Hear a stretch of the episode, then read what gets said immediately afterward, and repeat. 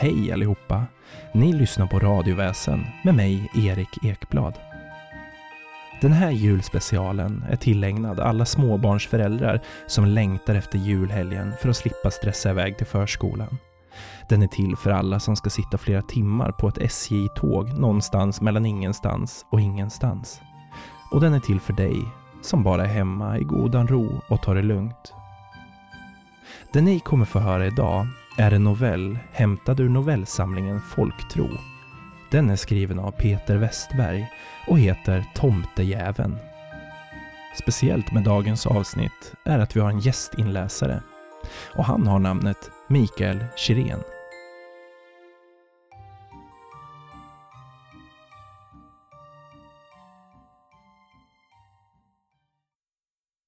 Tomtejäveln Anna suckade av lättnad när hon väl kommit innanför dörren, fått av sig skorna och befriat hundarna från sina selar. Kvällspromenaden hade varat i ungefär två timmar. Längre än de vanligtvis brukade gå en vanlig arbetsdag, men just idag hade hon känt ett extra stort behov av att lufta såväl lungor som hjärnan, vilket gått på högvarv hela dagen.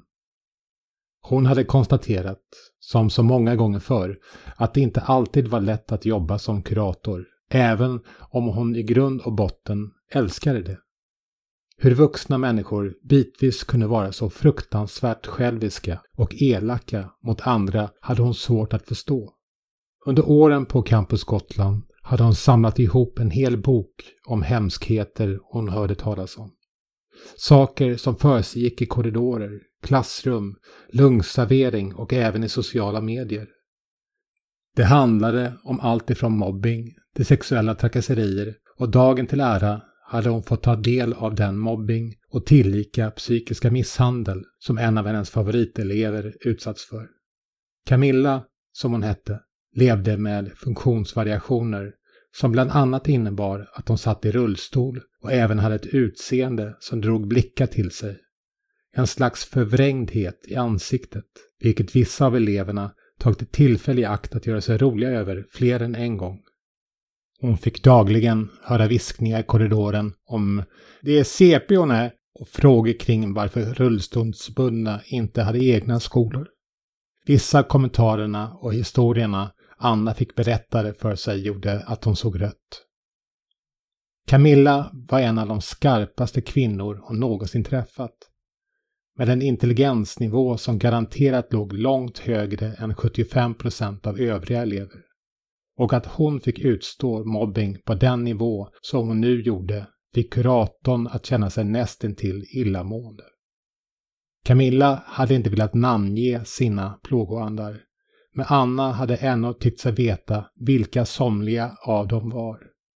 Och när hon stött på dem i korridorerna hade en oönskad vilja att låta deras falska leende stämma hård träff med närmaste fönsterbänk börjat välla upp inom henne. När Anna torkat tassarna på Bodengon Tor och den lapska vallhunden Sarek öppnade hon upp en flaska Cabernet Sauvignon och hällde upp ett glas. Lite onsdagslyx hade ingen dött av. Hon var gräsänka för några dagar och hade huset i Roma för sig själv medan Kent, hennes trolovade, befann sig till havs. Hon kände sig lite kluven till situationen. Å ena sidan skönt med lite egentid, samtidigt som det hade räckt gott och väl med en kväll och inte fyra eller fem eller hur många det nu skulle bli. Kent jobbade som svetsare och befann sig på ett utländskt lastfartyg strax utanför kusten. Där han och några kollegor skulle göra något jobb som innefattade att skära upp hål på däck för någon form av modifikation. Hon hade lyssnat med ett halvt öra när han berättat om själva proceduren. Mest fokuserat på informationen om hur länge han skulle behöva sova borta.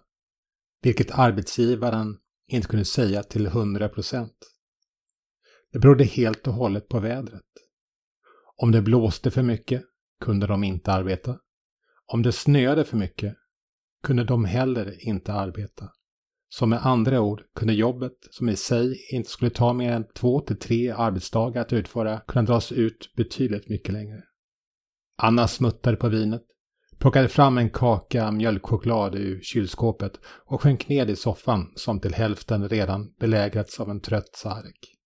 Mjölkchoklad som förrätt var kanske ingen jättebra kost att hålla, men Anna tyckte sig kunna unna sig det efter den här dagen. Sen låg hon ju knappast på latsidan när det kom till motion, så vem kunde klaga? Hon knäckte en rad av chokladkakan och såg i ögonvrån hur Sarek tittade på. Han såg på chokladen i hennes hand och sedan möttes deras blickar. Färgskiftningen i pälsen precis ovanför ögonen, som liknade små ögonbryn, fick honom som vanligt att se lite missmodig ut. Nej du sötnos, det blir ingen choklad för dig, sa hon, som vanligt med den ljusa, barnsliga röst som Anna alltid tog till när hon pratade med sina små älsklingar. Mamma vill inte behöva köra dig till djurakuten. Det förstår du väl, Bubbis? Precis som om vallhunden förstått sin matte flyttade han blicken till vinglaset och slickade sig lätt om nosen. Anna skrattade till. Inte det heller, din lilla fyllehund. Hon masserade honom lätt bakom öronen och Sarek föll snart ihop i soffan, besegrad och tillrättavisad.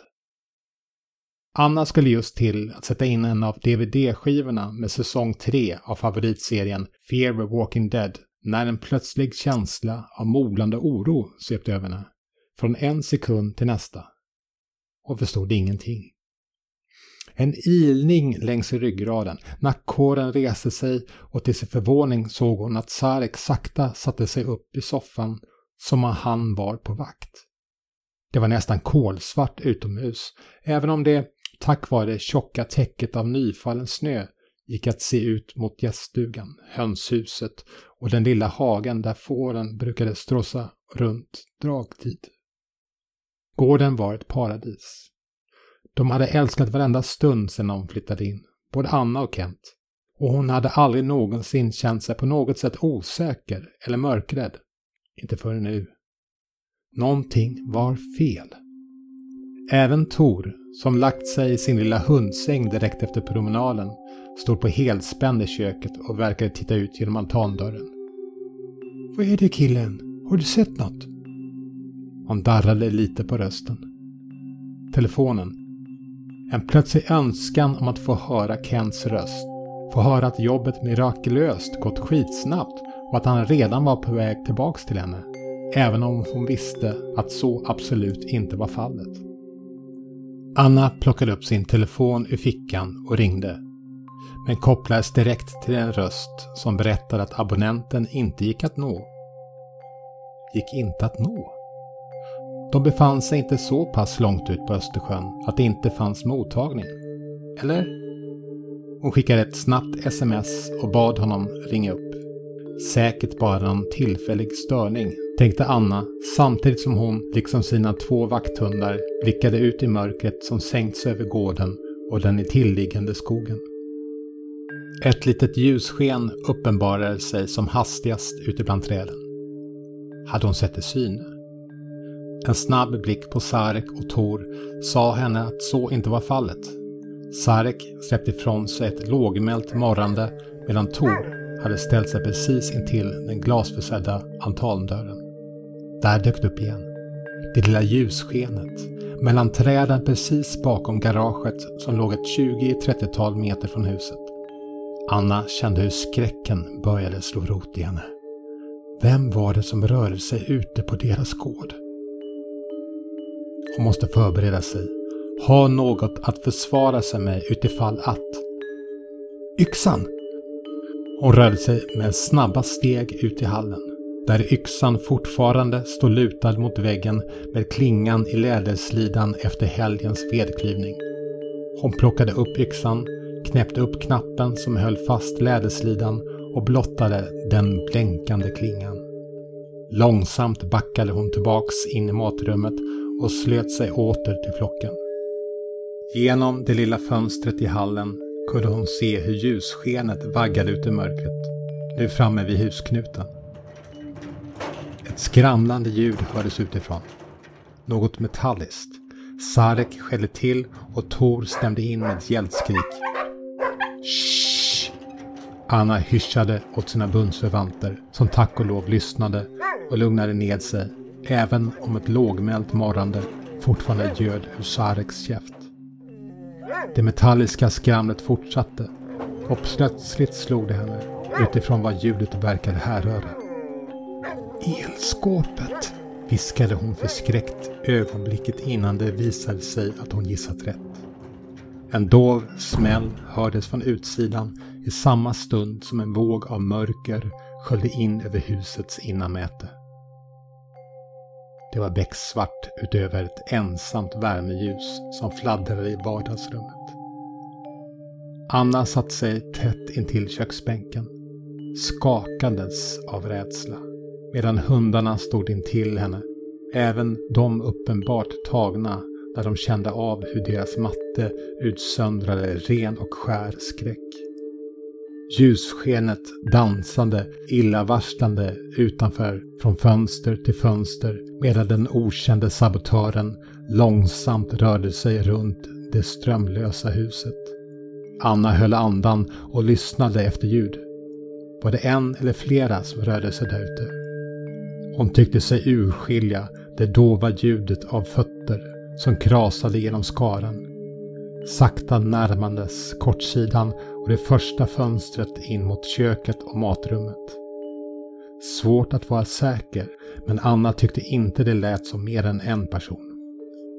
Skenet dansade vidare och bara sekunder senare hördes lätta fotsteg som rörde sig över altanens trätall.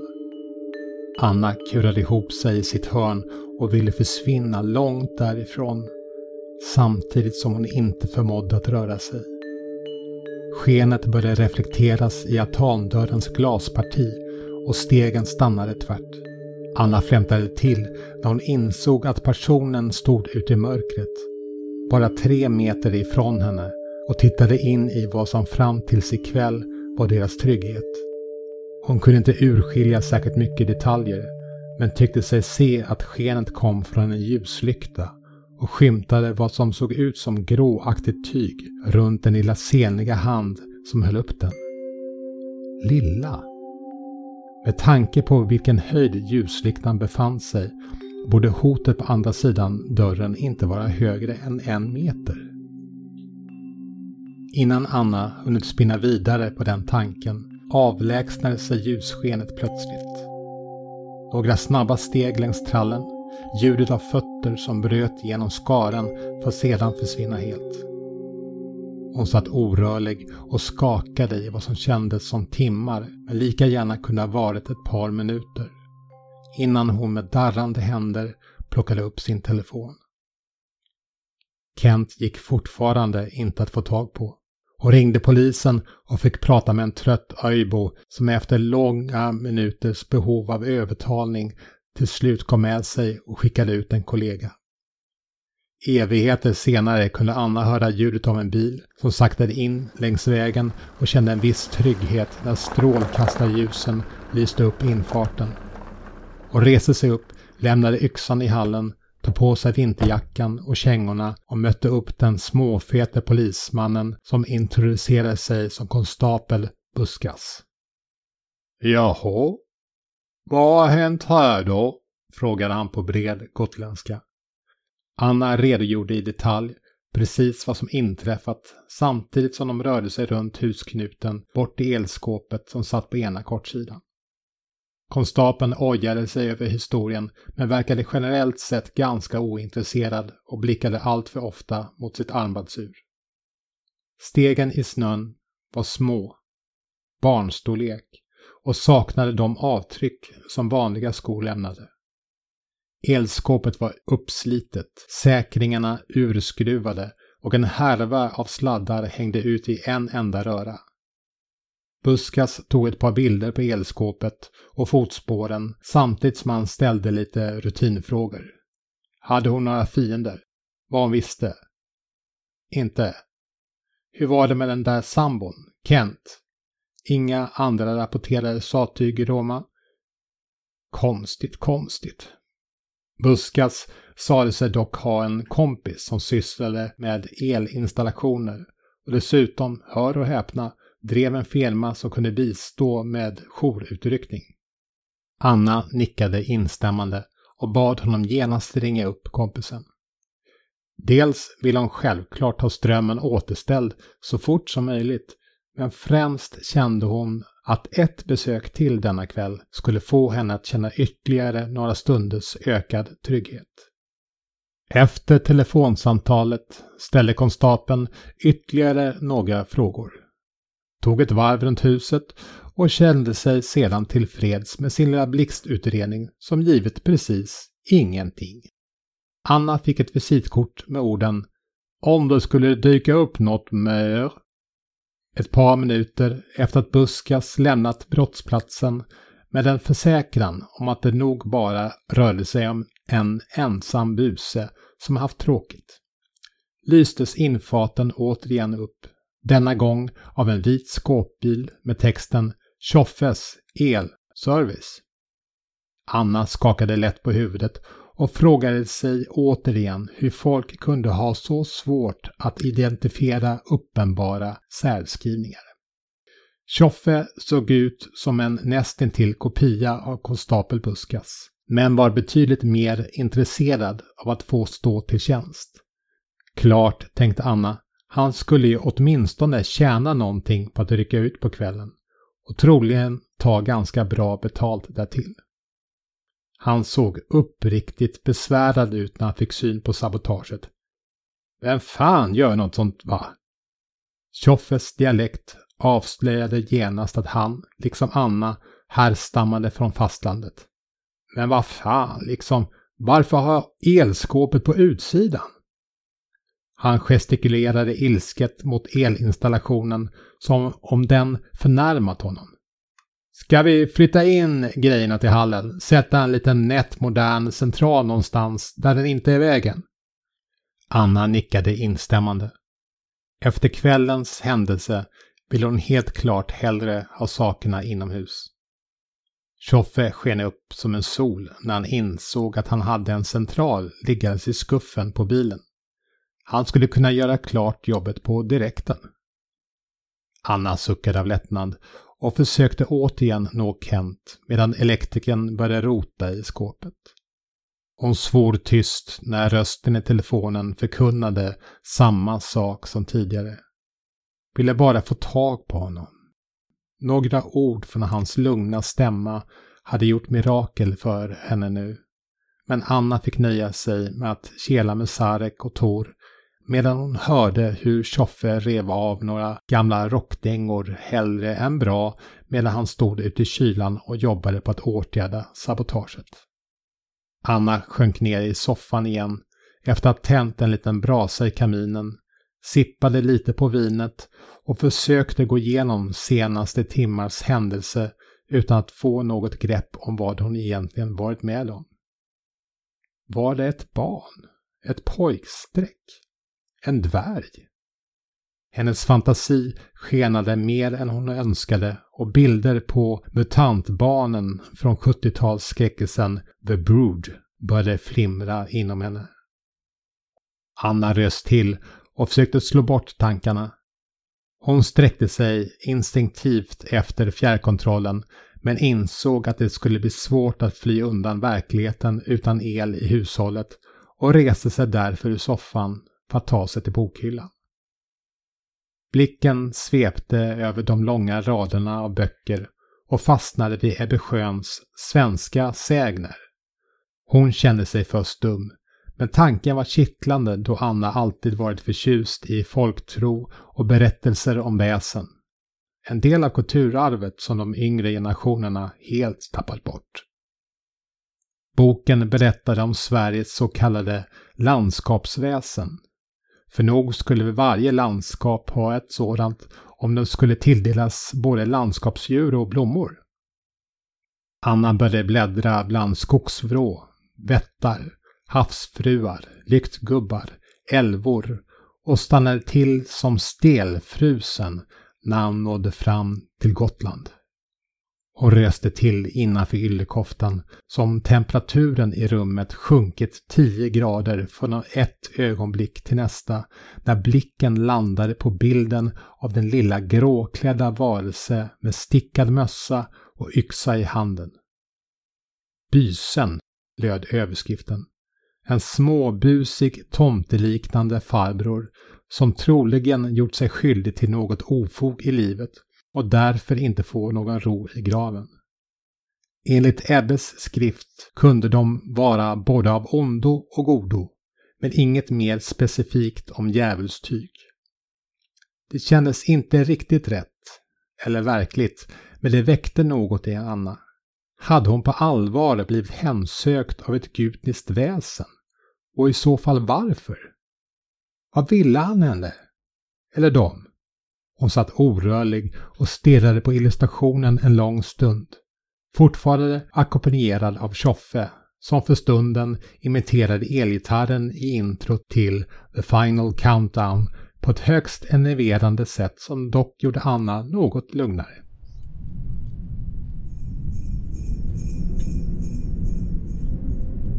Tord Grönstedt vankade av och an i sin stuga utan att riktigt veta varför. Han hade blivit väldigt nyfiken när han en timme tidigare sett hur en polisbil gled förbi ute på vägen och svängde in hos de där grannarna från Stockholm. Eller var det Dalarna? Tord hade hälsat på dem vid några tillfällen, men mer än så hade det inte blivit. Han hade, sin vana trogen, spionerat lite med sin kikare och sett hur polisen tagit en liten promenad runt huset med ficklampa i högsta hugg. Huset hade sett helt mörkt ut, som om strömmen gått och Tord hade fått en plötslig lust att pipa över för att fråga vad som hänt, men stoppade sig själv. Hur skulle det se ut? Tord, 65 fyllda och samtliga av dessa år hade spenderats på ön Ja, han hade knappt tagit båten över till fastlandet mer än en handfull gånger då han varit absolut tvungen. Det hade varit trivsamt i Roma, men senaste två åren hade man plötsligt börjat prata om att göra ett försök till att få upp intresset för Gotland. Få fler att flytta dit. Idioti, hade Tord genast skrikit ut mot tv-skärmen i sin ensamhet. Det hade ju knappt vatten nog åt sig själva, främst inte med alla dessa satans turister som flög in över ön som en oönskad böldpest var eviga sommar. Och nu skulle de börja bygga fler bostäder. Hans protester var det dock ingen som tagit notis om. Istället hade delar av marken och skogen i närheten av hans hus köpts upp och tidernas i hans ögon mest avskydda nyproduktion tagit fart. Det var till en början ett 40-tal skokartongliknande bostäder som skulle uppföras, med ett löfte om fler. Fler än en gång hade ensamvargen Grönstedt övervägt att nattetid ta sig genom staketet som omgärdade byggarbetsplatsen för att sätta hela helvetet i brand fantiserat om hur han sen kunde sitta på sin altan med en rökig whisky i hand medan skokartongerna förvandlades till aska framför hans upphetsade blick. Det hade dock än så länge förblivit fantasier. Men det var inte för sent än. Tankarna fick ett abrupt slut när han tyckte sig höra det omisskännliga ljudet av ytterdörren som gnekande gled upp hade han inte låst. Ett par dova fotsteg hördes ute i hallen. Hallå! Han ropade barskt medan han rörde sig genom vardagsrummet. Vem där? Och vad fan gör du i mitt hem? I samma stund som han rundade hörnet för att ta sig ut i hallen föll huset plötsligt i mörker. Precis som hos grannarna han Tord tänka innan överraskningen sakta övergick i oro. Vem fan ville honom något? Han hade inte gjort något. Hade inga fiender. Var det någon rånarliga som rörde sig genom Roma och gjorde spontanräder? Tord såg ingenting. hade vanligtvis bra mörkerseende men det plötsliga strömavbrottet och det mörker som följt hade chockat hans normalt så goda seende.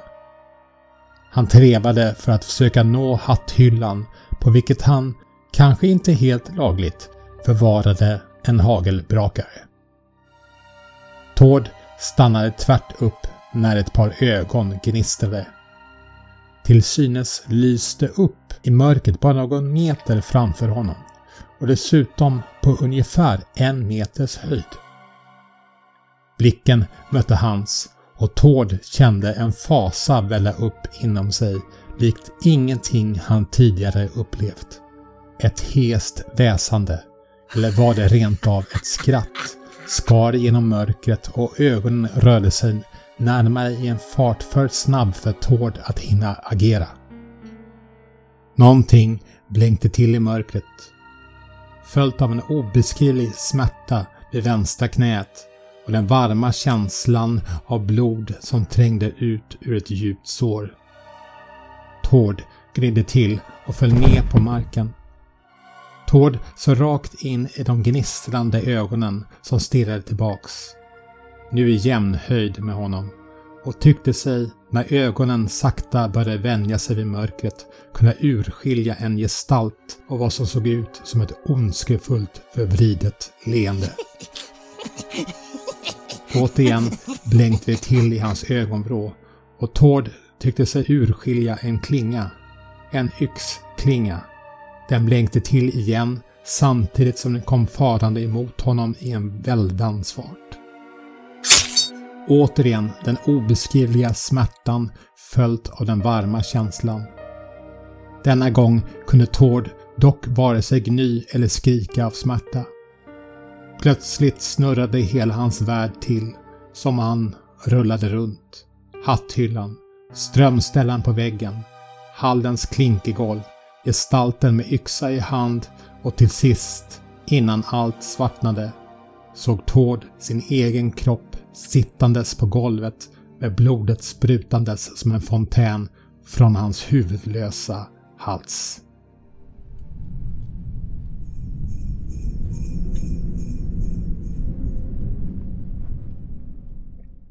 Goda nyheter va? Tjoffes stämma ljöd genom huset samtidigt som lamporna åter tändes. Anna tittade på sin mobiltelefon. Klockan var strax efter ett på natten. Så, nu kan ni kolla på TV igen, eller vad du nu vill göra, och en annan kan åka hem och få sig lite sömn innan det är dags att ta knoddarna till skolan. Tjoffe samlade ihop verktyg och överblivet skräp innan han tackade för sig och lämnade Anna och hundarna åter ensamma i huset. Hon satt hopkurad i soffan med Tor i knät och Sarek vid sidan om och tittade på dåliga komedier fram tills morgonen grydde utan att sova en blund.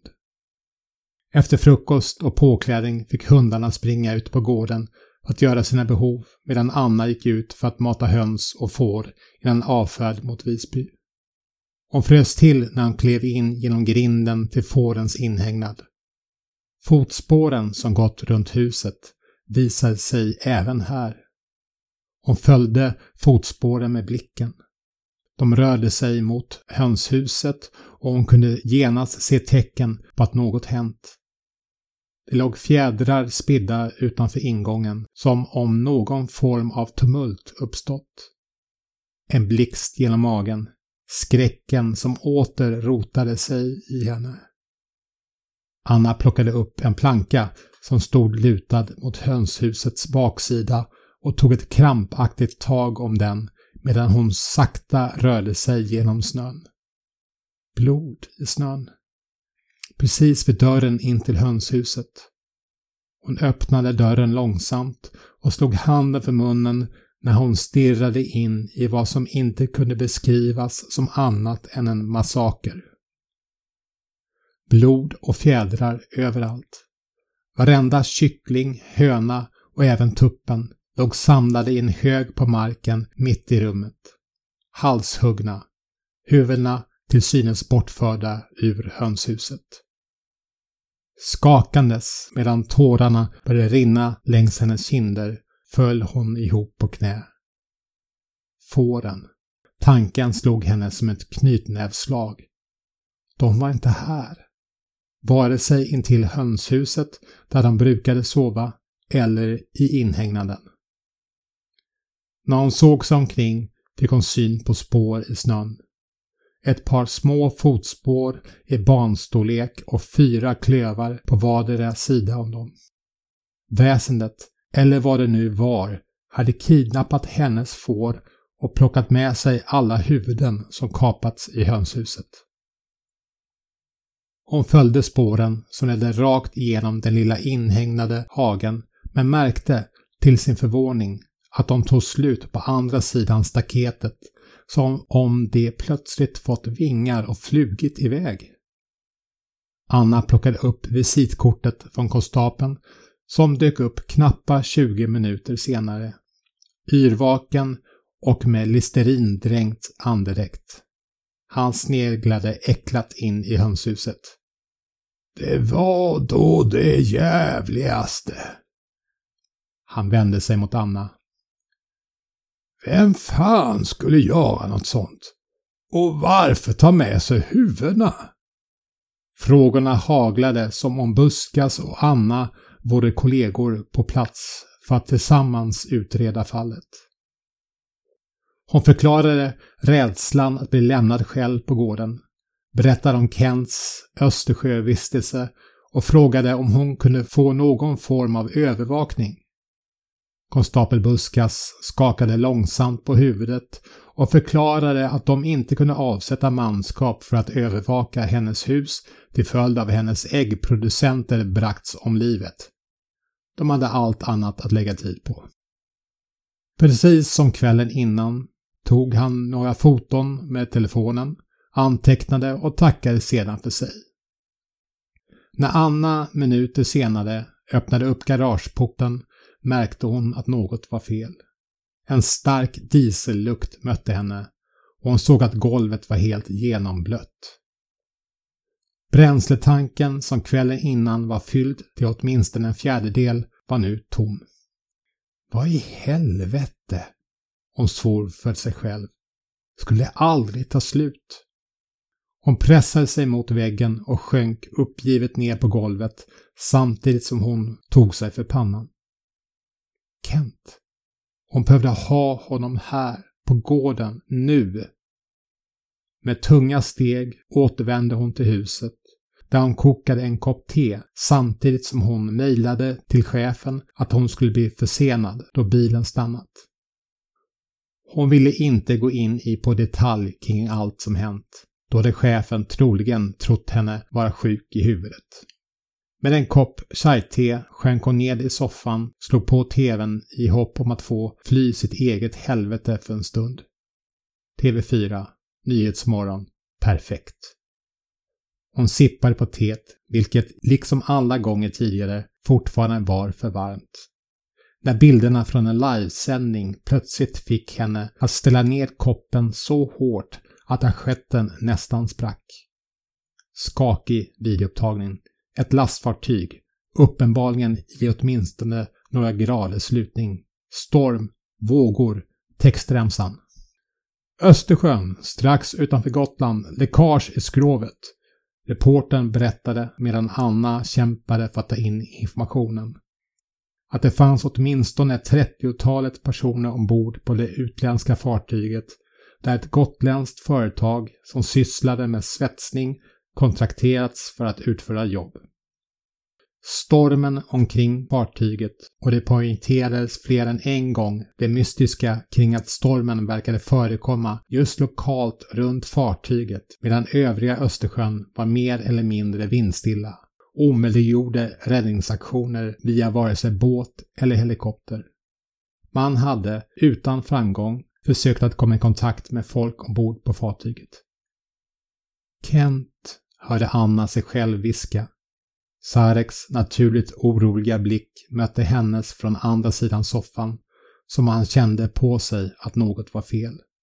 Tor, däremot, ålade runt på skinnpläden vid öppna spisen, obrydd, till skillnad från storebror. Ett dovt ljud tog samtligas uppmärksamhet. en lätt knackning på dörren. Anna reste sig snabbt från soffan utan att tänka eller känna efter och tog ett stadigt grepp om den yxa som hon sedan kvällen innan ständigt hade i sikte. Med yxan i ett fast grepp med båda händerna rörde hon sig sakta mot ytterdörren samtidigt som hon drog sig till minnes en incident i hennes ungdom. Hon mindes hur hon suttit på övervåningen i föräldrahemmet där hon, som vanligt under torsdagskvällar på den tiden, tittade på Rederiet tillsammans med sin lillebror Birger. Mitt i avsnittet, som påbörjades med att Reidar Dahléns tårar rann, vilket tittaren först leddes till att tro berodde på att hans fru blivit överkörd avsnittet innan men snart visade det sig bero på att han skar en gul lök, hade syskonen hört något från undervåningen. Ett ljud som om någon öppnat ytterdörren. Anna hade agerat instinktivt. Birger hade fått två kuddar som han tryckt mot rygg respektive mage medan Anna dragit ett skärp runt om honom. Skärpet hade spänts åt och bildat någon form av dunfylld säkerhetsväst om lillebror, varpå han försetts med en slalomhjälm och det brännbollsträ han själv tillverkat i träslöjden. Bepansrad och beväpnad hade Birger sedan föst ned för trappan med Anna strax bakom sig för att försvara hemmet mot de inkräktare som visade sig icke-existerande. Medan Anna nu rörde sig sakta mot dörren med yxan i beredskap önskade hon för en sekund att hon haft sin lillebror vid sin sida. Helst Kent. Birger och äldsta systern Carolina, de hade varit oslagbart kvartett mot vilken inkräktare som helst. Men nu stod hon här, ensam, om en med sina vakthundar som hade åter att visa vad det gick för i en krissituation. Hon nådde fram till dörren och såg att något låg instucket under dörrkarmen. Ett brunaktigt något, skinnfärgat. Ett brev. Hon drog det till sig, vecklade ut det och försökte tyda den skakiga, otydliga handstilen och den felstavade texten. Tak för fåren. Hönshjärnor är bra läkemedel. Mannen din fast i storm synd, överraskning i korgen utanför hus. Det kommer mera. Bokstäverna var rödfärgade och Anna tyckte sig förnimma en viss lukt från pappret. Eller vad det nu var skrivet på. Blod. Hon slängde ifrån sig lappen, äcklad och återigen livrädd. Hade den där, vad det nu var, något med stormen och fartyget att göra. Korg utanför. Tankarna snurrade. Hon slet upp dörren med yxan i beredskap och klev ut i kylan. Mycket riktigt. Precis i hörnet låg en prydlig flätad korg med vad som såg ut som en kökshandduk som skylde innehållet. Anna klev fram, drog handduken osäkert åt sidan och vände sig instinktivt bort så fort de fick syn på korgens innanmäte. Utan vidare öppnade hon munnen och kräktes rätt på husknuten. Det varma och halvsmälta innehållet i uppkastningen hann knappt rinna ner på marken innan lille Tor var på plats och började lapa i sig gårdagens lunch med mera. Trots att hon egentligen inte ville annat än titta bort så kunde Anna inte förmås att göra annat än att stirra skräckslaget på innehållet i korgen. De uppspärrade, skräckslagna ögonen. Den öppna, förvrängda munnen som verkade ha fastnat i ett ljudlöst skrik. Hon hade stött på honom mer än ett par, tre gånger sedan de flyttade till Roma. Men Anna såg att det utan tvivel var grannen Tord Grönstedts avhuggna huvud stirrades på henne från korgen.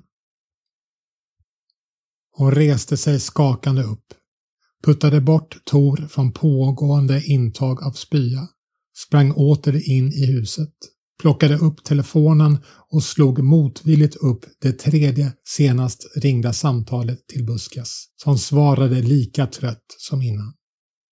Han häpnade dock till nämnvärt när hon berättade om händelseutvecklingen.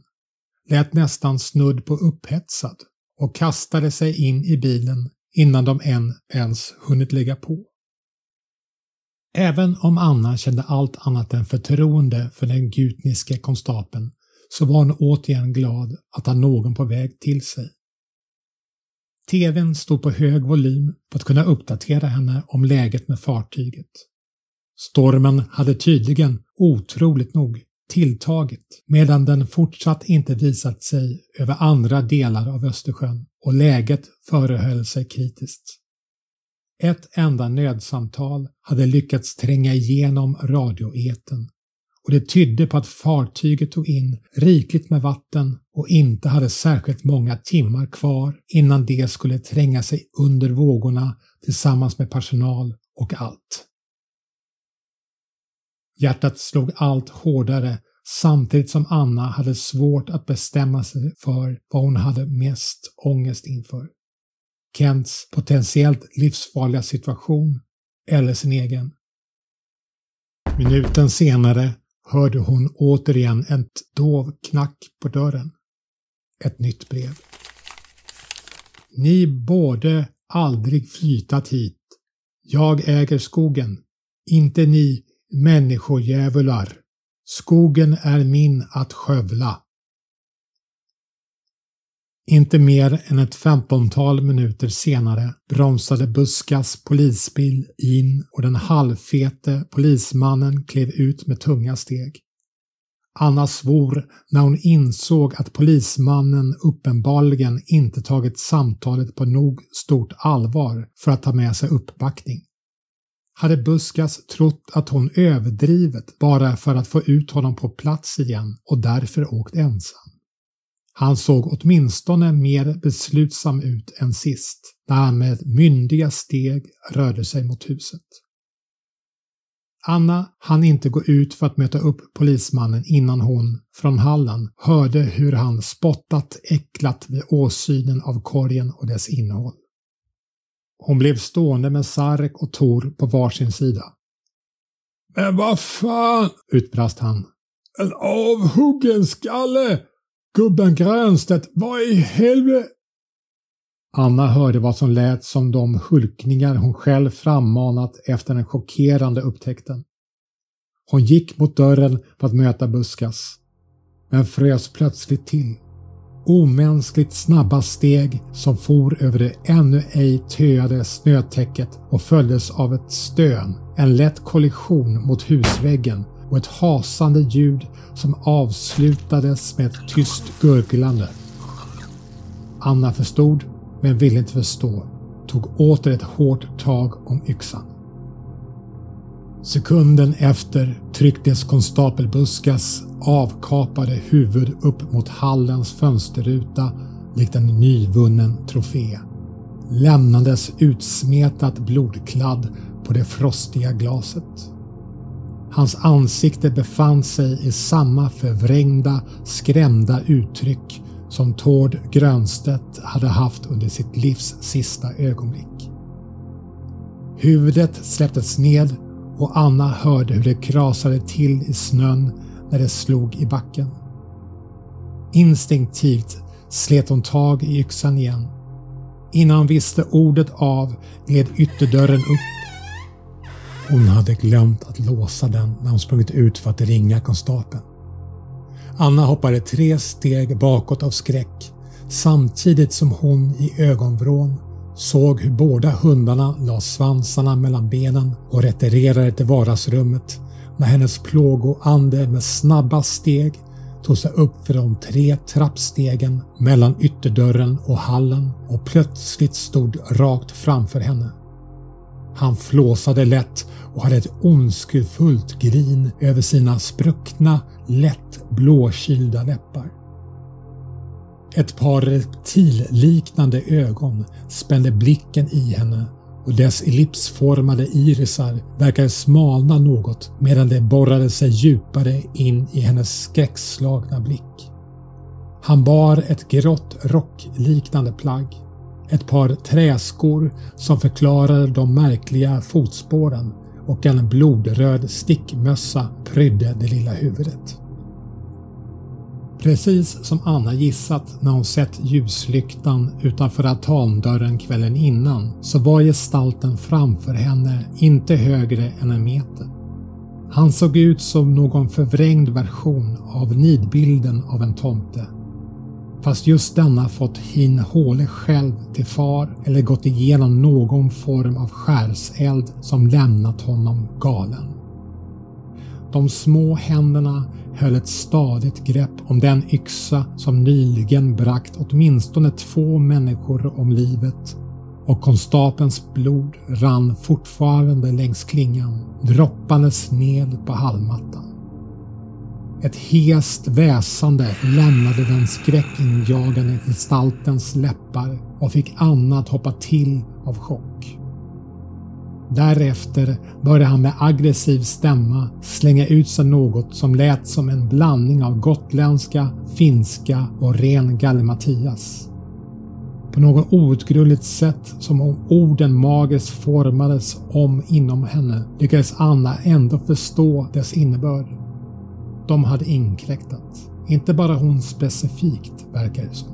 Skogen var hans och endast hans att skövla. De hade ingen rätt att hugga och skövla hans träd. Ingen alls.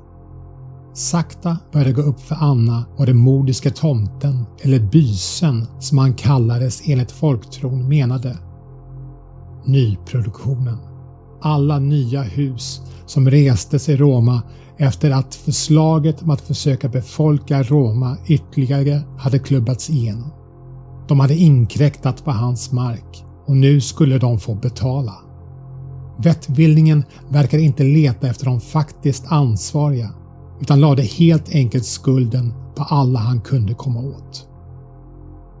Plötsligt drog hon sig till minnes att det inträffat en del konstigheter, trodda sabotage, när bygget startat månader tidigare. Men det hade alltså bara varit en mjukstart. De till en början mer eller mindre oskyldiga sabotagen, kanske med en tro att det skulle stoppa bygget och den fortsatta skövlingen, hade urartat och resulterat i blodshämnd. Vad tänker du göra med fartyget? hörde hon sig själv säga och ångrade frågan så fort orden lämnat hennes mun. Bysens leende blev bredare och såg om möjligt mer ondskefullt ut än tidigare. Ny rappakalja får ur hans mun och blottade nu skeva, gulnade tänder varvat med tomma gluggar. Anna kände ett obehag så stort att hon nästan blev kräkfärdig när bysen gjorde klart för henne att han, och bara han, hade makten över vad som hände med stormen och fartyget. Hon kunde omöjligen förstå hur, men på något sätt hade han makten över det lokala oväder som gjorde räddningsaktionen till havs till en omöjlighet. Om de stoppade skövlingen och lämnade hans skog och mark i fred innan nästa solnedgång skulle människorna ombord få leva. Annars skulle han låta dem alla få sjunka till havets botten tillsammans med fartyget. Skräcken och maktlösheten vällde upp inom henne när Anna insåg hur omöjliga kraven var att uppfylla. Att få stopp på ett sådant bygge på två dagar var troligen endast genomförbart om man tog livet av precis varenda människa som ansvarade för det och det var ju uppenbarligen det som var bysens plan. Även om han så här långt bara lyckats ha ihjäl oskyldiga iakttagare. Hans breda leende smalnade av och utan vidare vände bysen på klacken och sprang med rappa steg nedför trappan lämnades en förvånad och darrande Anna. När hon återfick kontrollen över den kropp som stått som stelfrusen hela tiden med yxa i hand rusade hon tvärt nedför trappan och drog igen och låste dörren om sig. Första instinkten sa åt henne att ta till sig telefonen för att ringa. Ja, vem? Polisen. De skulle ju självfallet inte tro på något av det hon hade att berätta utöver det faktum att deras kollega hade blivit halshuggen på hennes gård. Men kanske skulle det säkra någon form av spår som gjorde att de blev tvungna att stanna och övervaka gården. Anna stannade till när hon nådde köksbordet och stirrade oförstående ned på telefonen. Sönderslagen? Hur? Hon hade ju ringt till Buskas bara 20 minuter tidigare och inte lämnat huset. Hon tänkte på de reptilliknande ögonen hon stirrat in i. Hade bysen på något sätt lyckats hypnotisera henne länge nog för att ta sig fram och slå sönder telefonen? Hon kände sig plötsligt både rädd och irriterad på samma gång. Irriterad över att han förstört hennes enda sätt att överhuvudtaget ha en chans att nå ut för att lyckas tillgodose det orealistiska kravet. Men det var då det gick upp för henne.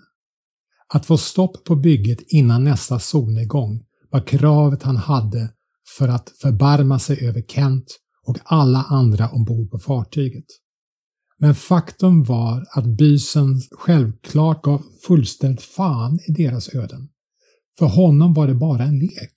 Han, redo att ha ihjäl varenda människa som hade något med bygget att göra och alla i dess närhet skulle bara njuta av vetskapen om att ha orsakat en massdrunkning.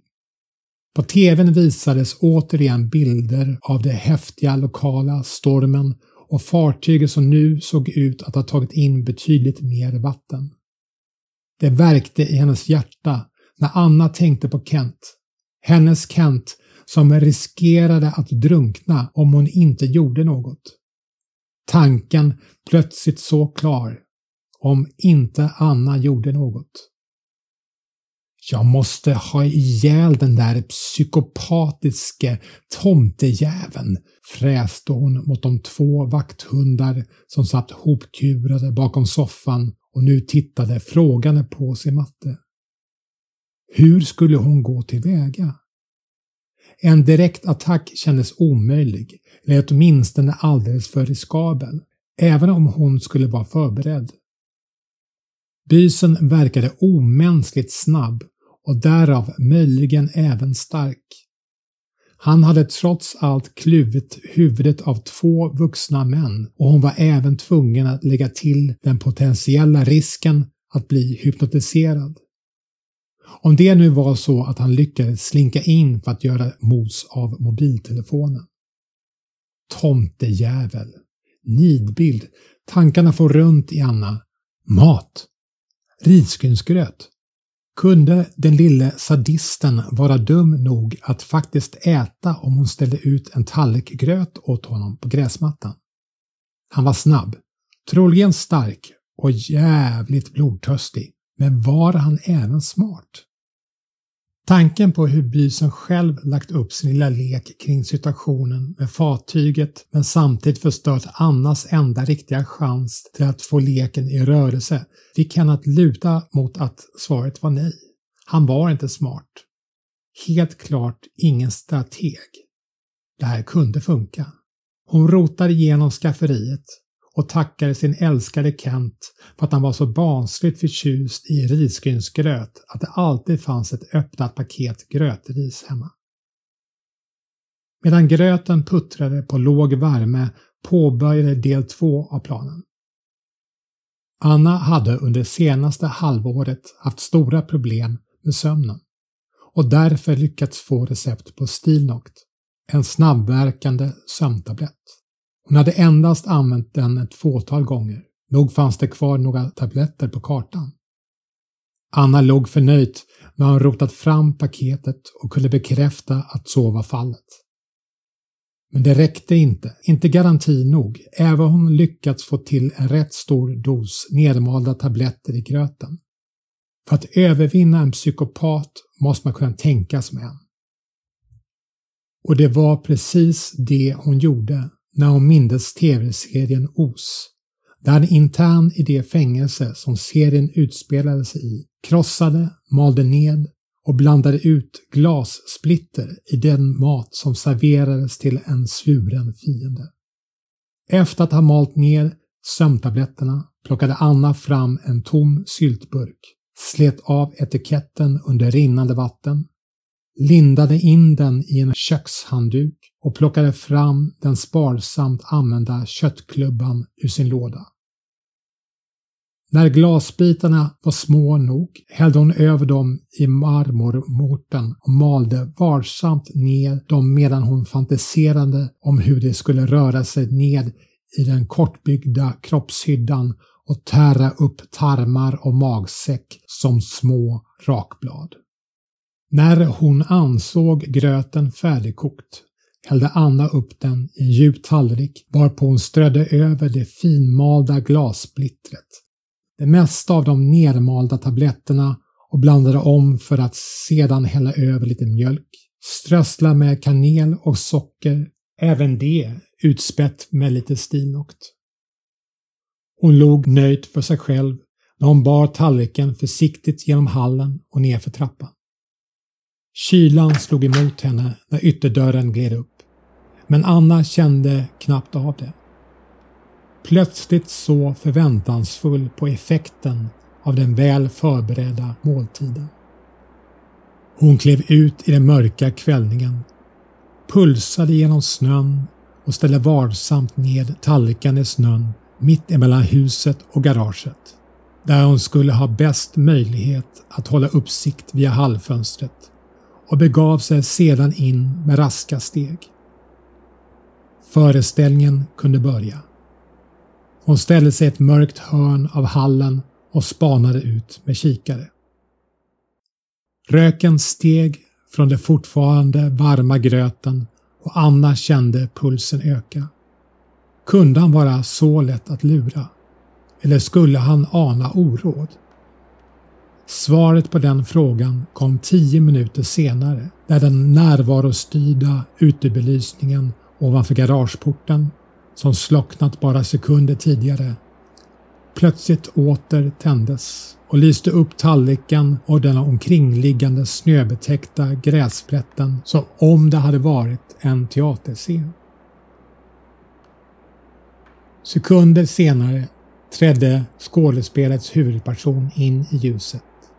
Sakta närmades den socker och glassplitterprydda gröten. Han såg en aning misstänksam ut. Även om reptilögonen och den snedställda munnen var svårtydda och slet plötsligt upp något ur ena fickan på den grå rocken. Anna försökte zooma in utan att hamna ur fokus och skrattade nästan till när hon fick syn på objektet han nu höll i vänstra handen. En träslev som han hade vandrat runt i skogen om dagarna ständigt förberedd att bli bjuden på en måltid. Bysen tog ett par långa steg och satte sig på huk intill tallriken. Han sniffade teatraliskt rakt över en rök som steg från den varma gröten. Som han inte ätit på dygn. Och Anna tyckte sig se att han slickade sig lätt om munnen innan sleven penetrerade ytan på tallrikens innehåll. En rejäl slev gröt trycktes nästan med våld in i bysens gapande käft, följt av en till. Glupske jävel, om du bara visste, viskade Anna från sitt hörn medan hon belåtet såg på den mordiske tomteavarten med gott mod tryckte sig i slev efter slev full av dödsdom. När tallriken till slut var tom föll han ihop på marken intill den och Anne såg förundrat på. Nog för att hon preparerat måltiden rejält, men inte kunde han reagera riktigt så fort. Eller? Som ännu ett givet svar på hennes fråga tog han sig för magen och släppte ut en ljuvlig hes rap. Han satt kvar i snön en stund, handen fortfarande över magen och pustade som om han ätit både för fort och för mycket. Efter ett par minuters matkoma försökte han resa sig och Anna såg direkt att hennes sömntabletter började få verkan på den lilla kroppen. Bysen tappade nästan balansen när han satte armbågarna i snön för att häva sig upp och väl på fötter vinglade han till som om han klivit upp från krogen med två promille i blodet. Anna såg sin chans. Det var dags. Han greppade tag om yxan, visslade till sig Sarek och Tor som väntat tålmodigt, införstådda med att något var på gång utan att riktigt förstå vad. Anna tog på sig kängor och jacka, slet upp dörren och klev återigen ut i kylan och fokuserade blicken på den lille tomten som vinglade runt i sin upplysta cirkel. Innan de visste ordet av släppte Tor ut sig en serie gälla skall innan han satte av som en pil rakt mot inkräktaren. Tor, nej! hörde Anna sig själv skrika medan han satte av i rask takt genom den säkerligen 20 centimeter djupa snön. Tor nådde fram till bysen som i sitt vinglande stadie verkade ryckas tillbaks till verkligheten och nyktra till för en sekund när han noterade gälla skallet bakom sig. Tor morrade aggressivt och gjorde ett utfall men bysen stängde runt med sin högra arm i en halvcirkel med sådan kraft att den lille på den gång föll iväg som en tennisboll och landade i snön tre meter bort. Den vinglande tomten var dock inte beredskap när storebror Sarek gick till attack. Ögonblicket efter och bet ett hårt tag om dennes midja. Bysen väste till av smärta när de vassa tänderna trängde sig igenom först rocken och sedan skinnet. Han fäktade med armarna men kom inte åt att slå undan sin anfallare utan blev stående i strålkastarljuset och såg ut som en osynlig eldsvåda satt hans kropp i brand. Innan yxans klack kolliderade med bysens panna tyckte sig Anna se hur han, mitt i försöket att avvärja Tor, plötsligt mötte hennes blick. De reptillika ögonen utsöndrade både förvåning och vad Anna tyckte sig se rädsla. Han hade tappat övertaget.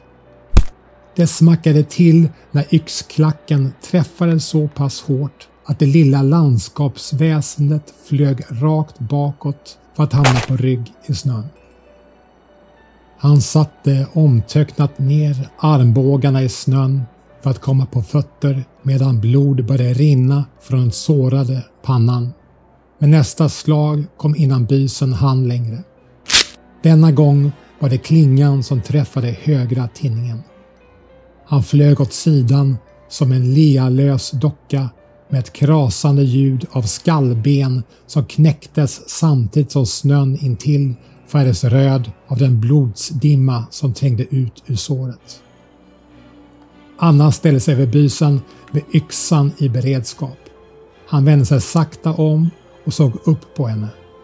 Otroligt nog vid liv trots den klockrena träffen. Rädslan i hans blick försvann plötsligt och ersattes av ilska och hat medan han fräste ut vad hon gissade var egenkomponerade svordomar. Det här är för Tord Grönstedt. Yxklacken träffade återigen över pannan. Det här är för Buskas.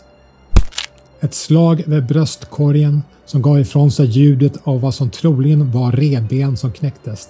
Och det här! Hon mötte den plågade, besegrade bysens blick en sista gång. Det här är för Kent, för mig, för Sarek och för Tor. För alla våra djur som du slaktat. För Roma.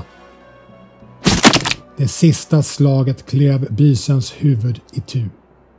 Anna satte sig utmattad på knä i snön och pustade ut medan hennes två bundsförvanter klev fram vid hennes sida och såg på den besegrade fienden. Kent. Hon reste sig kvickt upp ur snön och styrde stegen mot huset för att se om det fanns några nyheter om fartyget. Hon klev in i värmen och hörde en svag röst från tvn. Stormen verkar otroligt nog ha lugnat sig. Nyligen etablerad kontakt med fartyget avslöjar att alla ombord fortfarande är oskadda. Helikoptrar och kustbevakning närmar sig just nu båten för att få med sig alla nödställda. Anna suckade av lättnad. Bysens övernaturliga makt var bruten och hennes älskade snart i säkerhet. Hon slogs av en annan tanke. Fåren? Vad hade hänt med dem? Bysen hade valt att föra iväg dem istället för att ha ihjäl dem på direkten, som han gjort med alla i hönshuset. Med nytt tag om en nu blodig yxa slet hon åt sig pannlampan, visslade åter sig till hundarna och begav sig ut mot inhägnaden. Spåren, som tidigare slutat precis efter staketet, fortsatte nu inåt skogen. Hade han osynliggjort dem? Knappast otroligt med tanke på hur bysen lyckats med fartyget och stormen. Ljuset från pannlampan lyste upp deras väg medan de pulsade genom snön och följde fotspåren djupare in i skogen. Efter några minuter nådde de fram till en stor grön plätt som omgärdades av snö som det precis på samma sätt som stormen till havs riktats lokalt befann sig i någon form av vårtillstånd trots omkringliggande vinterlandskap. Anna visste att de promenerat genom precis denna del av skogen åtskilliga gånger. Men uppenbarligen hade bysen lyckats gömma den för människan. Mitt i grönskan stod en timmerstuga i miniatyrformat. Anna gissade på att den var cirka 8 gånger 10 meter till storlek och intill den stod de i jämförelse gigantiska får som bysen lett bort från gården. De betade av gräset som inget hänt. Anna noterade överraskat hur rök bolmade ut ur en skorsten från den lilla stugan och rörde sig försiktigt framåt den. Hon lyste in genom de små fönstren och ryckte till av överraskning när hon såg tre gestalter som stod tryckta mot en pelare där inne. Uppenbart skrämda. En mamma och två barn som det såg ut. Chockad satte Anna ena handen för munnen. Hade hon dödat en familjefar? Svaret var självklart. Och även om bysen uppenbarligen var psykopatisk och behövt stoppas så kunde hon inte undgå att känna någon form av skuld när hon såg den till synes oskyldiga familj som lämnats kvar. Enligt sägnen skulle ju bysen vara en enslig figur, någon form av vålnad. Men Anna insåg att det kallades sägen av en anledning. Hon såg in genom fönstret och mötte moderns blick. Till en början rädd, men när hon efter en stund verkade känna av vänligheten och osäkerheten i Annas blick började hon sakta röra sig bort från det hörn de hade tryckt sig upp emot. Sakta fram emot fönstret samtidigt som hennes ansikte långsamt sken upp i vad Anna tyckte känna igen som tacksamhet. Hade bysen hållit även sin egen familj i någon form av skamgrepp och skräck? De såg utsvultna ut alla tre. Anna vände sig tvärtom och gick tillbaks mot huset där hon kokade ihop ytterligare en kastrull med risgrynsgröt. Denna gång utan nermalt glas och sömntabletter. En halvtimme senare begav hon sig återigen ut i mörkret med kastrullen i hand. Väl framme vid den lilla stugan satte hon sig ner på huk intill entrén, tog locket av kastrullen och lät doften sippra in genom väggarna. Till slut öppnades dörren och den lilla kvarvarande familjen klev ur i samlad trupp med var sin uppsättningar, slev och tallrik. De var taniga, smala, påminde Anna närmast om de bilder hon sett från koncentrationsläger. Bysen hade uppenbarligen behållit mesta delen av födan för sig själv och på så vis, på fler sätt än tidigare, förtjänat det öde han mött. Den lilla familjen saknade antingen tal eller så var det så fortsatt blyga eller rädda inför den gigantiska välgöraren då de efter middagen bugade och backade åter in i stugan. Med någon form av glädje i kroppen vände Anna och började promenera tillbaks till stugan med får och hundar i släptåg. När hon nådde fram till fårhagen kände Anna hur telefonen började vibrera och ringa i fickan. Kent förkunnade texten på det inkommande samtalet. Hennes hjärta bultade hårt av spänning när hon tryckte på den gröna svara-knappen. Älskling, är det oskadd? var det första som lämnade hennes mun. Ja, svarade Kent, sliten med glad stämma. Men vilken grej! Alla uppskakade. Vi trodde på allvar att vi skulle dö där ute. Vilket jävla dygn! Anna klev ut ur fårens inhägnad och blickade över den fullständigt overkliga, blodiga scen deras gräsmatta förvandlats till. You telling me, svarar hon kort med utmattning i rösten.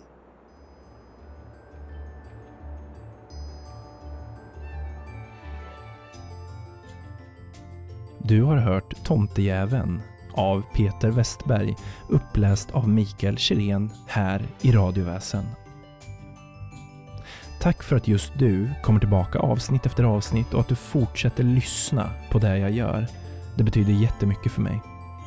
Vill ni stötta podden i dess fortsatta arbete så går ni in på www.patreon.com radiovasen där det finns extra material och förlängda avsnitt, bakom kulisserna material med mera. Nu återstår det bara för mig att önska er en riktigt god jul och ett gott nytt år. Passa er för tomtejäveln. Vi hörs. Hej då.